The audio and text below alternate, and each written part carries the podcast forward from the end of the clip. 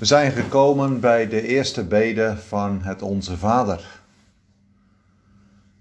Het volmaakte gebed.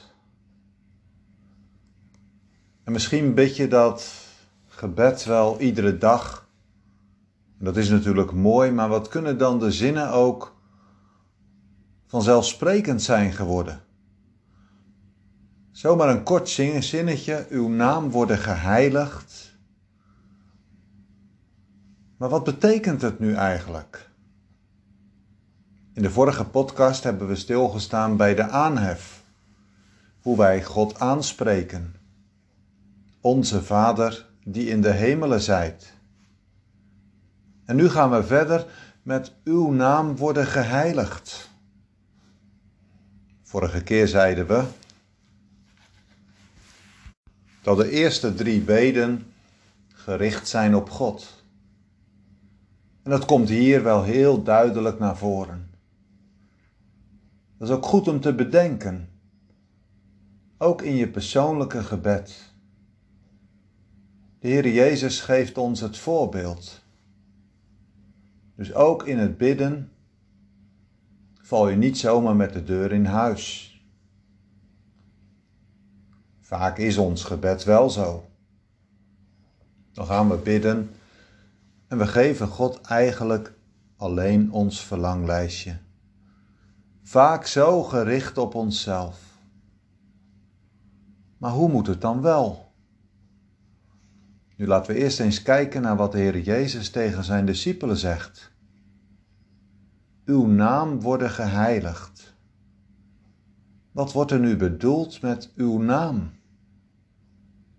Ja, als het gaat over de naam van God, dan weten we dat God heel veel namen heeft. In de Bijbel vind je wel honderden namen voor God. En iedere naam die zegt iets van God. Die zegt bijvoorbeeld wie hij is. Die zegt iets van zijn karakter, van zijn natuur, wat hij doet, wat hij werkt, waar hij vandaan komt, van zijn grootheid, van zijn hoogheid. En zo zou je wel door kunnen gaan. Ja, God die maakt zich door zijn namen aan ons bekend wie hij is. En de grootste naam van God, die horen we in de Bijbel voor het eerst bij de brandende braambos. Als Mozes daar is in de woestijn. Mozes, en we kennen natuurlijk die geschiedenis, die wordt naar het volk Israël gezonden. De Heere geeft hem daar bij die brandende braambos de opdracht. Maar dan zegt Mozes, wat moet ik nu eigenlijk tegen het volk zeggen? Wie heeft mij gezonden? Als ze dat nu aan mij gaan vragen, wat moet ik dan antwoorden? En dan zegt de Heere, zeg maar, Jaweh heeft mij tot u gezonden. Jaweh, die grote naam van God. De ik zal zijn die ik zijn zal. Jehovah, ik ben die ik ben. En ik blijf altijd dezelfde. Ja, zo maakt God zich dus aan zijn volk bekend. Van eeuwigheid, onveranderd, altijd dezelfde. En eigenlijk zegt hij heel eenvoudig tot onze mensen, op mij kun je aan. We zien hier dus heel iets belangrijks. Want als het gaat over Gods naam, dan gaat het over God zelf. Dus Gods naam is gelijk aan God. Ja, is God. Dus we kunnen aan het, hier aan het begin van het gebed ook wel zeggen, u worden geheiligd. U moet geheiligd worden. In onze woorden zou je dus kunnen zeggen dat u maar heiliger mag worden. Hé, hey, maar dat kan toch eigenlijk niet? God kan toch niet heiliger worden?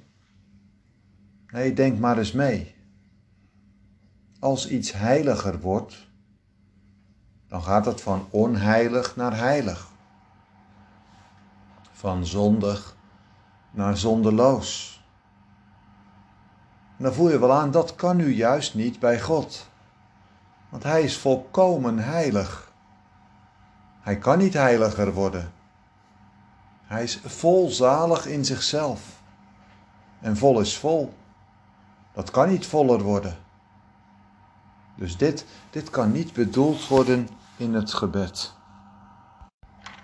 Maar hier op aarde, bij ons mensen, wordt Gods naam en God zelf zo vaak ontheiligd. Dan wordt God belasterd, besmeurd. Ja, door de zonde staat God niet meer in het middelpunt, maar staat de mens in het middelpunt. Ons boze ik. En de Heere Jezus, die kan niet hebben dat de naam van zijn Vader ontheiligd wordt. En daarom zegt hij tegen zijn discipelen: Discipelen, als je nu gaat bidden, dan moet je je gebed maar beginnen met de vraag of de naam van de Vader groter, heerlijker mag worden. De Heer Jezus ziet er naar uit dat die naam geheiligd, geëerd, geprezen wordt. En daarom zegt hij: Kijk, zo moet je je gebed gaan beginnen. Uw naam worden geheiligd. En omdat dat nog niet gebeurt, bidden wij erom. In de eerste plaats in ons persoonlijk leven. En dan denk ik aan de Heidelbergse catechismus, zondag 47. Als daar de uitleg is over de eerste bede, dan is het antwoord daarop: Geef dat wij uw recht kennen in al uw deugden. Dus dat wordt er bedoeld, geef Heere dat wij uw recht mogen kennen. Want onze blik is zo vaak verduisterd door ongeloof, door zonde. Maar als de Heere nu het geloof schenkt in het hart, dan gaan we hem recht kennen. En Heere, geef dat wij u op de juiste manier kennen. Eigenlijk zou je ook kunnen zeggen: Heere, geef toch geloof. Maar als wij Hem kennen, dan komt er ook een verlangen om ons leven in Zijn dienst te besteden. Dat Zijn naam maar groter mag worden hier op aarde. Dat God in het middelpunt komt. Niet alleen van jouw leven, maar ook in het leven van andere mensen. En wat groot is het om je leven in Zijn dienst te mogen besteden, zodat ook andere mensen de Heere leren kennen op de juiste wijze, zoals Hij zich openbaart in Zijn woord, zoals Hij zich bekend maakt aan ons mensen. Dat die naam van de Heere maar groter mag worden. Ja, ook nu, in deze tijd, in de coronatijd. Als de wereldse mens vol is over de komst van het vaccin, vol is over allerlei maatregelen die misschien wel succes hebben, maar ten diepste Hem niet in het oog hebben uw naam worden geheiligd. Dat die naam de eer gaat krijgen die hij zo waard is. Die naam zo heilig, groot en goed. En dat de wereld maar vol mag worden van de kennis van de Heere. Want daar gaat het naartoe. En dat zullen we ook zien in de volgende beden.